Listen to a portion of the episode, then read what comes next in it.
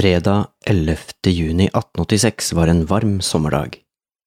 Vi befinner oss i Japan, nærmere bestemt Tokyo, og for å være pinlig nøyaktig i Shiba-parken som ligger helt sentralt i hovedstaden. Vi er i Yayoi-tempelet, og stemningen er spent blant alle de fremmøtte.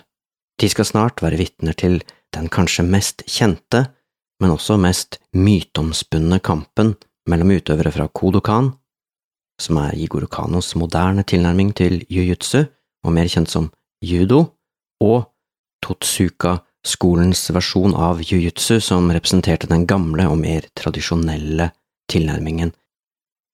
Dersom judoutøverne taper, vil det bety et stort tilbakeskritt for judo, som har hatt en enorm vekst siden Kodokan ble grunnlagt av Igor Kano bare fire år tidligere, i 1882.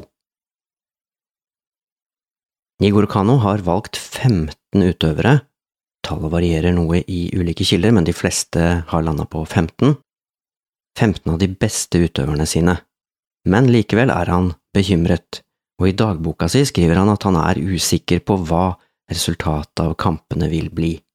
Totsukas gruppe besto av høyt respekterte og kraftfulle utøvere, og de var alle meget rutinerte. Mine egne trenere sto nesten bokstavelig talt med ryggen mot veggen da de skulle møte mesterne i jiu-jitsu fra Totsuka Rui. Det var med andre ord klart for et oppgjør mellom den nye og den gamle måten å trene kampformer på. Jigoro Kano stilte med et sterkt lag, kanskje det sterkeste han kunne mønstre på denne tiden. De aller mest kjente på judolaget var Saigo, Yamashita, Tomita og Yokoyama. Disse fire utøverne ble kalt for Kodokan Shitenno, eller Kodokans voktere. Disse fire utøverne skilte seg ut fra de andre judoutøverne på Kodokan på grunn av sine ferdigheter og sin dedikerte holdning til trening og judo. Totsuka-skolen på sin side hadde også et sterkt lag og sin egen Shitenno-gruppe, i tillegg til flere andre gode utøvere. Til sammen hadde hvert lag altså 15 utøvere. Dommerne var Tetsutaro Hisatomi og Yoshachiro Suzuki fra Saiguchi Rui. Så Saiguchi Rui er en eh, kampsportskole, og dette var erfarne og anerkjente trenere, og Hisatomi skrev senere en bok om bruk av jiu-jitsu og kempo for politiet, så han var en anerkjent skikkelse i jiu-jitsu miljøet. Ifølge reglementet man hadde blitt enige om på forhånd, kunne man få ippon, altså ett poeng, for godkjente kast, kvelinger, holdgrep eller armlåser, og kravet til teknikkene var at de ville ha overmannet en motstander fullstendig i en reell kampsituasjon. Kamptiden var det opp til dommerne å bestemme, og det var jo helt vanlig i kampformer på den tiden, Vanligvis ville det si at man kjempet helt til en av utøverne ga seg, av ren utmattelse eller til dommeren stoppet kampen og ga seieren til den som var klart overlegen. Noen mener at reglene favoriserte utøverne fra Kodokan, fordi en god del av de vanlige jiu-jitsu-teknikkene som ble trent rundt omkring, var forbudt. Dette gjaldt for eksempel slag og spark. Flere av leddlåsene var også forbudt, og dessuten ga poengsystemet god uttelling for kastteknikker, og nettopp det her ville favorisere judoutøverne, mente mange. Men nok om alt det praktiske, tilbake til det aller viktigste, hvordan gikk det med kampene?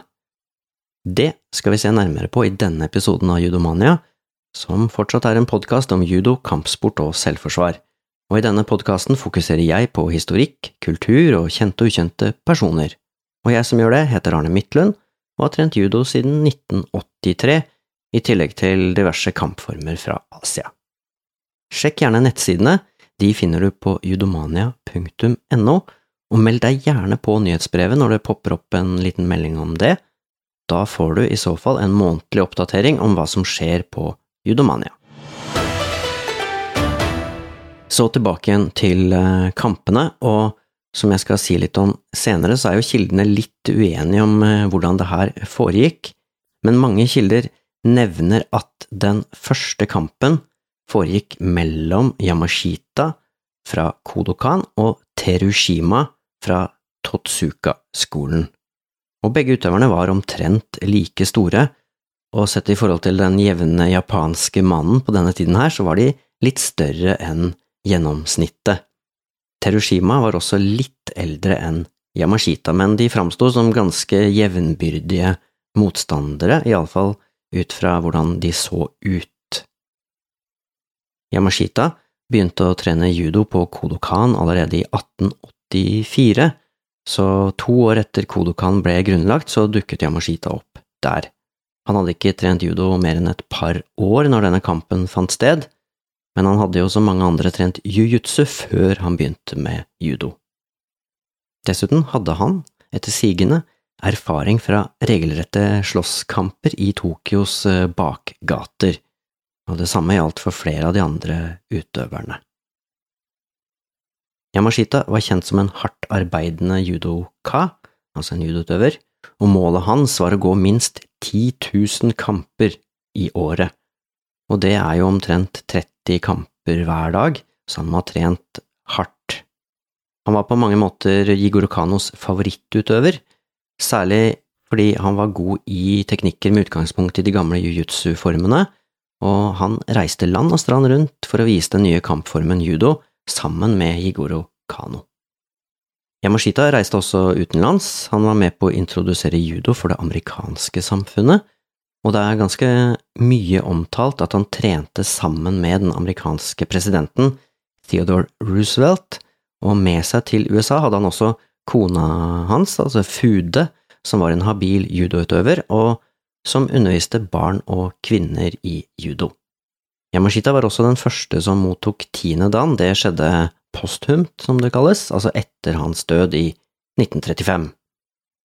Så det var altså ingen hvem som helst som skulle åpne ballet for judolaget til Igoro Kano.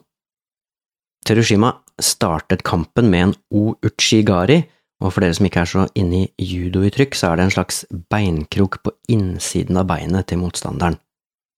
Yamashita klarte å blokkere dette forsøket, og svarte med en perfekt hisaguruma, som er en annen form for beinteknikk, der man trekker motstanderen ut av balanse og over foten som er plassert på utsiden av kneet til motstanderen. Resten av kampen foregikk stort sett på bakken, sannsynligvis fordi jiu-jitsu-utøveren Terushima mente at han hadde større muligheter til å vinne der. Sånn ble det ikke, kampen var jevn, og til slutt så dømte dommeren et uavgjort resultat. Her har jeg også lest i kilder at Yamashita vant sin kamp på en overbevisende måte, så her er det to mulige utfall, enten uavgjort eller seier til Yamashita.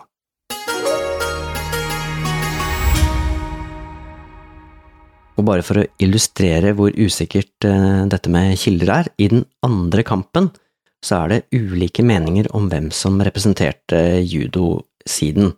Yamashita, som var til stede, sier at det var Ivanami, og Jigoro Kano, som også var til stede, sier at det var Kawai. Og for oss er det ikke så farlig uansett, kanskje, kampen ble uansett vunnet av judoutøveren, som utførte en yuji jime, altså en kveling på motstanderen sin.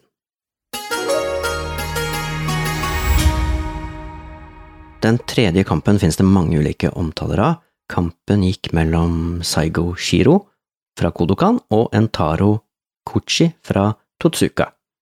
Kuchi, jiu-jitsu-utøveren altså, skal ha vært mye større og tyngre enn Saigo, og noen har beskrevet det som en kamp mellom et barn og en voksen.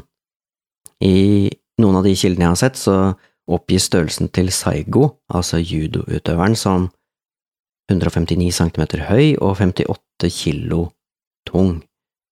Og selv om Saigos tekniske nivå og judoferdigheter var velkjent, så var det ingen som så for seg at han kunne klare å vinne over den mye større motstanderen sin. Men Saigo kjempet godt, og kampen var jevn, og initiativet bølget fram og tilbake mellom de to utøverne. I begynnelsen av kampen virket Saigo usikker, og det er jo ganske naturlig med en såpass stor motstander, og motstanderen startet friskt med å kaste Saigo høyt opp i lufta og brukte ulike former for hoftekast. men hver eneste gang så klarte Saigo å enten å snu seg i lufta eller lande på knærne.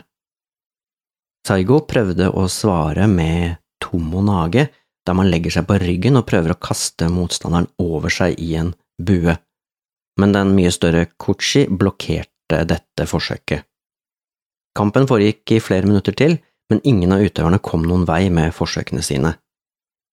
Kochi var den første som begynte å vise tegn på å bli sliten, og da klarte Saigo å trekke Kochi ut av balanse, og deretter spant han den godeste Kuchi rundt som i en liten sirkel, og senteret i denne sirkelen sies at det var Saigos tanden, eller tyngdepunkt, og forsamlingen skal ha begynt å mumle og snakke sammen og si at det er Saigos yama arashi, og yama arashi er et eh, judokast, og mange sa på den tiden her at ingen kunne utføre denne teknikken like godt som Saigo.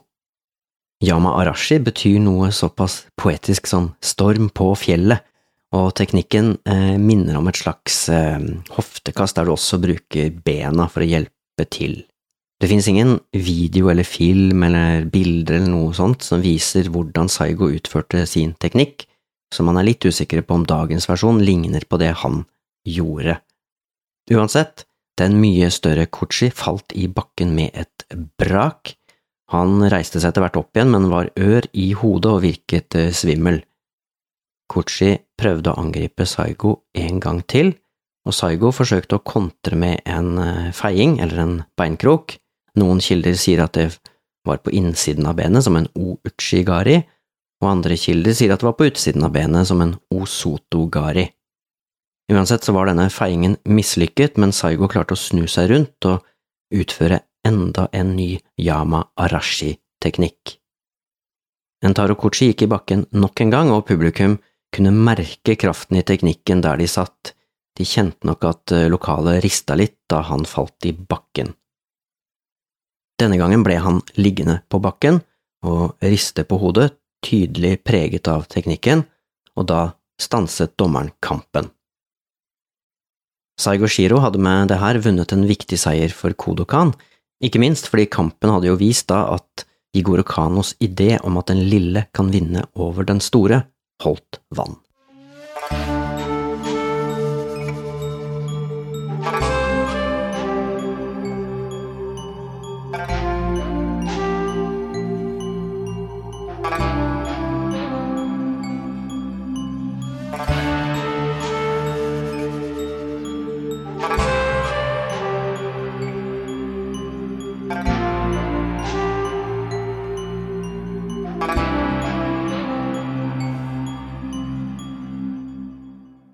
Her kan det jo passe å ta en liten pause fra kampene. Saigo Shiro hadde nettopp vunnet over en langt større motstander, og det var midt i blinken med tanke på Igoro Kanos idé om å utforme en moderne kampsport basert på enkle prinsipper.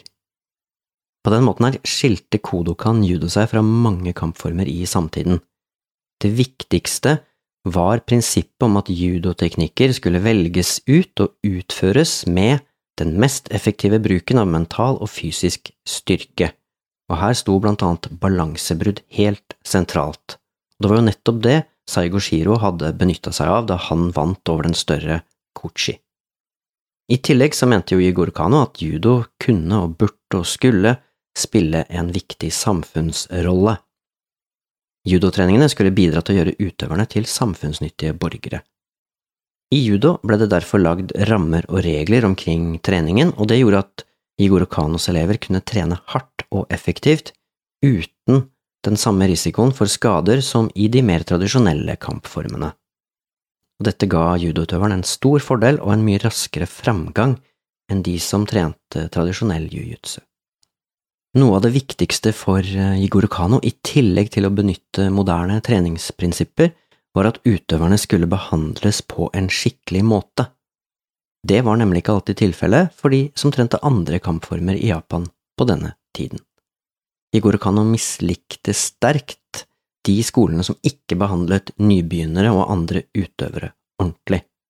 Han ville gi utøverne en moderne og systematisk og pedagogisk ramme rundt treninga. Og de ambisjonene her skulle jo senere gi Igor Kano over både nasjonal og internasjonal anerkjennelse.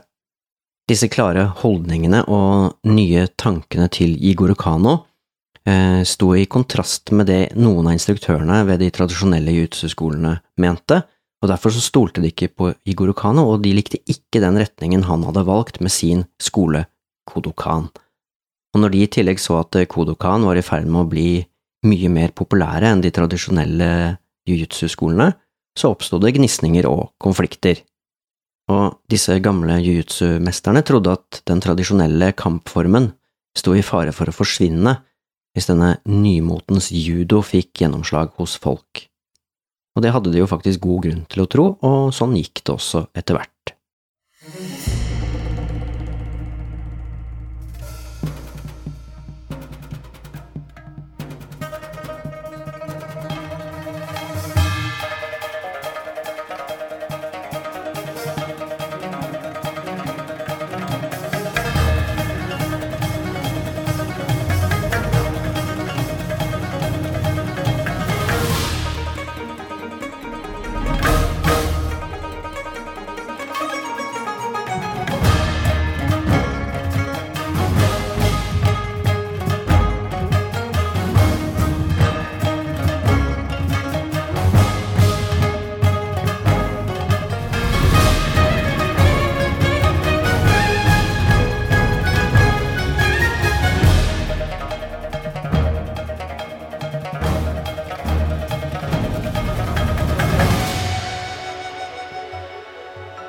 Tilbake igjen til eh, kampene. Nå har jo allerede to av de fire himmelske mesterne, eller Kodokan Shitenno, vært i aksjon. Både Saigo Shiro og Yamashita har slåss mot motstanderne sine. Eh, den ene kampen med Yamashita endte sannsynligvis uavgjort, selv om noen sier at Yamashita vant.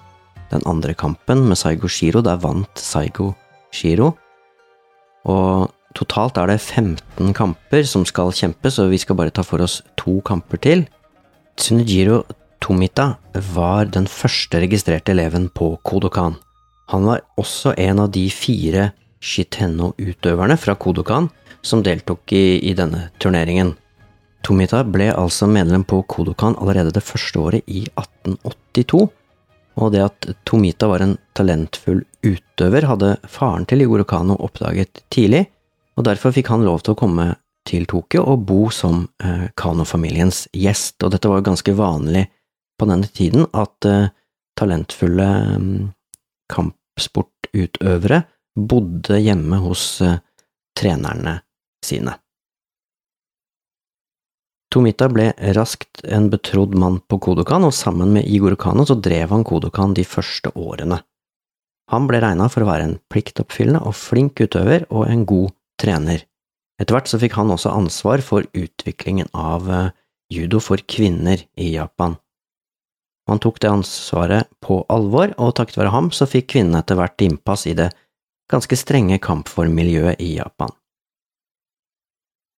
Tsunejiro Tomita var også en periode i USA for å promotere judo der, og som en liten sånn fun fact så var det sønnen hans, Suneo Tomita, som skrev fortellingen om Sugata Sanshiro, som senere ble filmatisert av den da ukjente Akira Kurosawa.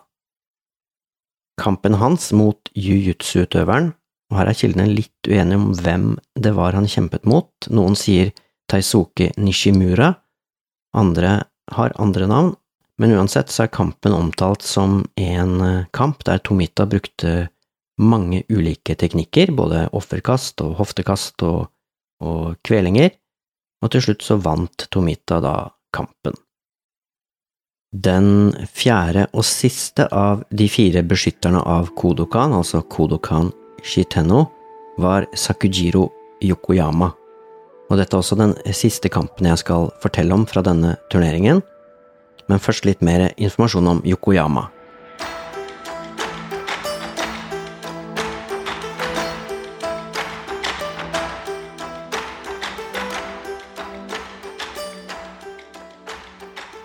Han var en kraftig bygd mann og ganske mye større enn gjennomsnittet i Japan på denne tiden.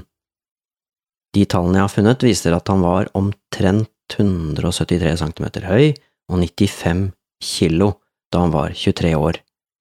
Og her kan det hende at tallene er litt unøyaktige, jeg får det ikke helt til å stemme med de bildene jeg har sett av Yokoyama, men at han var kraftig og sterk, det er i hvert fall helt opplagt.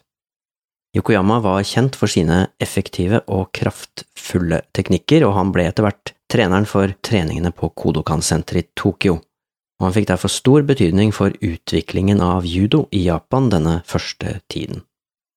I sin kamp så møtte Sakujiro Yokoyama Hansoke Nakamura, og Nakamura var heller ingen hvem som helst, han var kanskje den mest kjente jiu-jitsu-utøveren i Japan på denne tiden. Han var omtrent like stor som Yokoyama, kanskje noen centimeter høyere og en kilo tyngre, og i Japan var han nærmest for en kjempe å regne. Han var riktignok 19 år eldre enn Yokoyama, altså nesten dobbelt så gammel, men han ble uansett kalt for den tøffeste mannen i Japan, og spesialteknikken hans var rett og slett et holdegrep, kami shiogatame, hvor du ligger mer eller mindre over overkroppen til motstanderen fra hodesiden. I dette tilfellet her så sies det at Yokoyama hadde en ekstra motivasjon fordi han ønsket revansje for en kamp han tidligere hadde tapt mot lederen for den konkurrerende jiu-jitsu-skolen. Og nå som Nakamura representerte denne skolen, så ville en seier være med på å gjenopprette Yokoyamas eh, følelse av ære. I løpet av kampen så kjempet de to med et stort antall ulike teknikker, Nakamura ville helst eh, gå på bakken, for der var han best, og Yokoyama ville helst kjempe stående, for der var han best. Kampen varte i 55 minutter, uten at noen verken ga eller fikk poeng, og til slutt så måtte dommeren dele seieren mellom de to utøverne. Sakujiro Yokoyama bukket mot sin eh, verdige motstander, og så deretter gikk de begge utslitt av matta. Ifølge en bekjent av Nakamura utviklet disse to slåsskjempene et godt vennskap etter denne kampen, og i ettertid ble Nakamura kalt for Mesteren fra øst, mens Yokoyama ble kalt for Mesteren fra vest. Yokoyama fikk også tilnavnet Oni, eller Djevelen, på grunn av den intense innsatsen han hadde hatt i denne kampen. Nå hadde altså alle Kodokans fire voktere, Kodokan Shitenno, vært i aksjon, og selv om ikke alle vant kampene sine, så hadde de vært med på å bidra til å gi Kodokan et godt omdømme, og de hadde vært med på å gjøre det mulig for Kodokan å vinne flertallet av de 15 kampene. Nøyaktig hvor mange de vant, eh, er det vanskelig å finne kilder på. Et sted så står det at de vant ni kamper.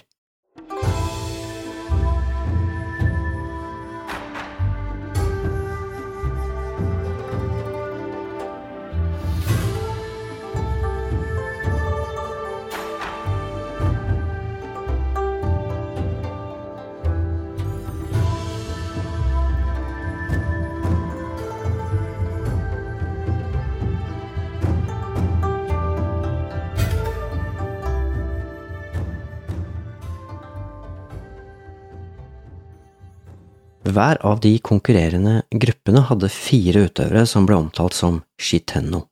Og shitenno er et begrep som stammer fra buddhismen, og der, i buddhismen altså, så er det snakk om de fire himmelske vokterne som har ansvar for hver sin himmelretning. De fire himmelske eh, beskytter verden og kosmos fra halvguder som ønsker å ødelegge verden, og de er så å si alltid avbildet med rustning og våpen, og de kalles også for generaler. Bruken av det begrepet her om utøvere kan jo tyde på at man ønsker å opphøye eller understreke ferdighetene og statusen til dem, men også til selve kampformen.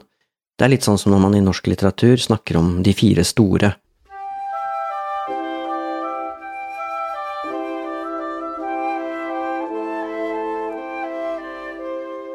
Eh, altså Bjørnson, Kielland, Ibsen og Lie. Eh, det er ikke et sånt faglig begrunna utvalg når man snakker om disse forfatterne, det er rett og slett en markedsføringskampanje fra Gyldendal Forlag. Og sånn er det kanskje med disse utøverne òg. Kodokan Shitenno, her var det fire utøvere som mer eller mindre fikk en slags legendarisk eh, status. Uansett grunn eller årsak så var eh, Shitenno et godt innarbeidet begrep i japansk kultur på denne tiden De første kildene til bruken av det begrepet her finner vi faktisk helt tilbake i år 593 i noen av de eldste templene i Osaka. Så begrepet shitenno har altså mange sterke konnotasjoner i japansk kultur og historie, og derfor var det jo med god grunn at disse kampformskolene utnevnte noen av sine beste utøvere til å representere skolene i, og da kalte man gjerne disse gruppene for shitenno.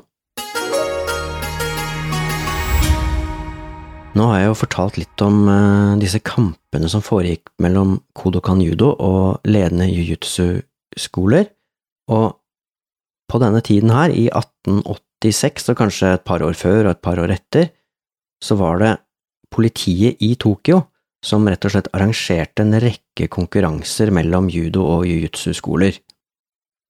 Og hensikten var å prøve å finne gode trenere og gode måter å trene polititeknikker, altså sånn kontrollteknikker som politiet kunne bruke.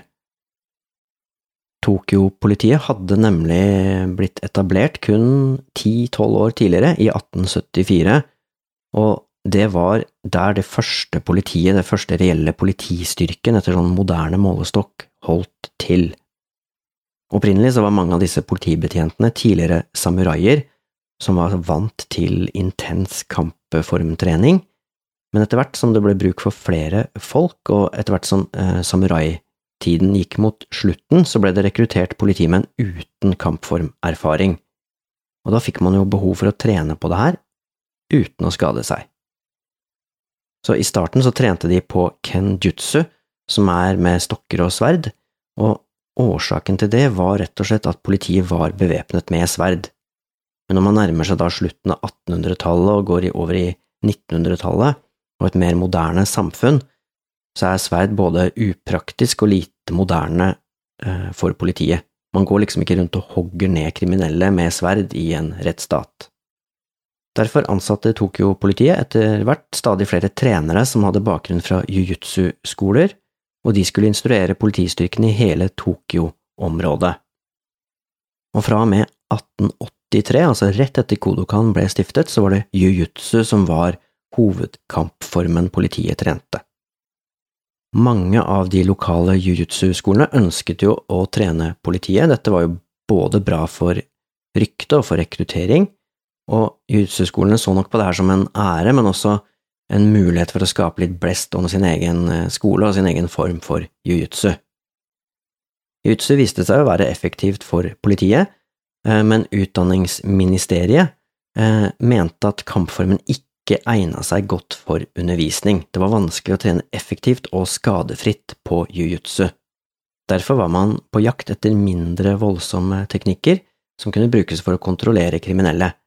Ikke først og fremst av hensyn til de kriminelle, kanskje, men mest av alt for at man skulle kunne trene på dette her uten å skade seg. Derfor, på slutten av 1880-tallet, så inviterte politisjefen i Tokyo, som var en moderne og fremadrettet eh, person, til en rekke konkurranser mellom jiu-jitsu og judo-utøvere. Det var altså mange flere treff og konkurranser enn akkurat denne vi har hørt om i begynnelsen av denne podkastepisoden, og den første av disse konkurransene var offisielt ment å være til ære for politifolk som hadde dødd under et opprør i 1877. Det er altså ikke slik at det var én turnering, det var mange. Enkelte kilder oppgir her at det var over 15 slike turneringer eller konkurranser mellom judo- og jiu-jitsu-utøvere. Og i flere av disse turneringene så vant de tradisjonelle jiu-jitsu-skolene, og det fikk Igor Kano til å, å si, reise hjem og tenke litt gjennom sakene og utvikle teknikkene sine enda mer. Selv om man i ettertid kan få inntrykk av at disse turneringene nærmest var for krig å regne, så er det flere kilder som legger vekt på at motsetningene ikke var så alvorlige som noen skal ha det til. Lederne for de ulike kampformskolene poserer gjerne sammen på mange bilder, og det var også tradisjon for å sende utøvere til hverandre på besøk for å lære nye teknikker. Likevel så var det en viss rivalisering, og enkelte skoler kjempet jo om å være størst, og to slike skoler var nettopp Igor Kanos Kodokan og Totsukas jiu-jitsu-skole. Man kan jo spørre seg om vi kan stole på disse fortellingene om de dramatiske kampene, og her vil jeg svare et klart eh, både og, altså både ja og nei. Det er ingen tvil om at det i løpet av de første årene etter at Kodokan ble grunnlagt, var en hel del kamper og utfordringer og konkurranser der judoutøvere møtte jiu-jitsu-utøverne.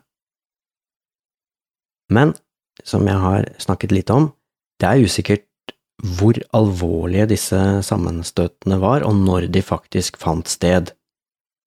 Den turneringen jeg har fortalt om, kan ha funnet sted, slik jeg sa, 11. juni 1886, men til og med noen av de som deltok, oppgir like gjerne året 1888. Så verken dato eller årstall er helt sikkert, men at kampene fant sted en eller annen gang mellom 1885 og 1888 er de fleste enige om. Hvorfor husker de ikke årstallene? Er ikke årstallet så viktig, kanskje?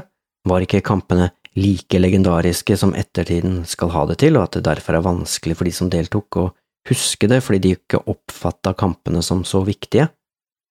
Eller er dette ment som fortellinger som skal bygge opp under en slags myte- og legendestatus for judo-judoutøvere, altså en slags markedsføringskampanje? Det er ikke så lett å være sikker på. Det er også vanskelig å finne helt klare kilder når det gjelder hvilke utøvere som møtte hverandre fra gang til gang. Når det gjelder kampen mellom Nakamura og Yokoyama, disse to kjempene som holdt det gående i 55 minutter før kampen ble dømt uavgjort, så er kildene også her uenige.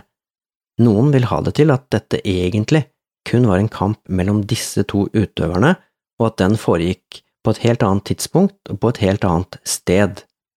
Det er også flere fortellinger om utøvere som møttes på eget initiativ etter turneringene for å få revansje eller i alle fall en ny sjanse til å prøve seg, og i disse tilfellene så er det ikke alltid like enkelt å avgjøre om de historiene man leser er fra revansjeoppgjøret eller det opprinnelige oppgjøret. Og igjen så er det ikke sikkert at det var snakk om kamper på liv og død, og noe som underbygger det, er at eh, Flere av utøverne i ettertid trente sammen og på hverandres skoler. Og var det egentlig judo mot jiu-jitsu? På denne tiden her så var judo i sin spede barndom, og kampformen var ganske annerledes enn moderne judo, mye nærmere jiu-jitsu egentlig, og dessuten hadde flere av Igoro Kanos beste utøvere solid erfaring med jiu-jitsu. Så på en måte så var det kanskje jiu-jitsu mot jiu-jitsu. Uansett så er det ingen tvil om at kampene fant sted, og akkurat denne gangen, som jeg har fortalt om her i denne episoden, så vant judoutøverne de fleste av kampene.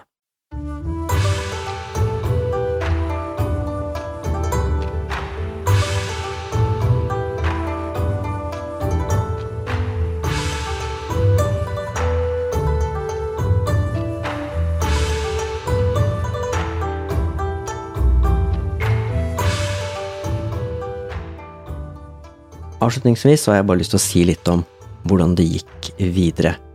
For selv om det ble avholdt flere slike turneringer der judo og jiu-jitsu sto mot hverandre, så trente altså politiet videre på begge kampformene fram til andre verdenskrig.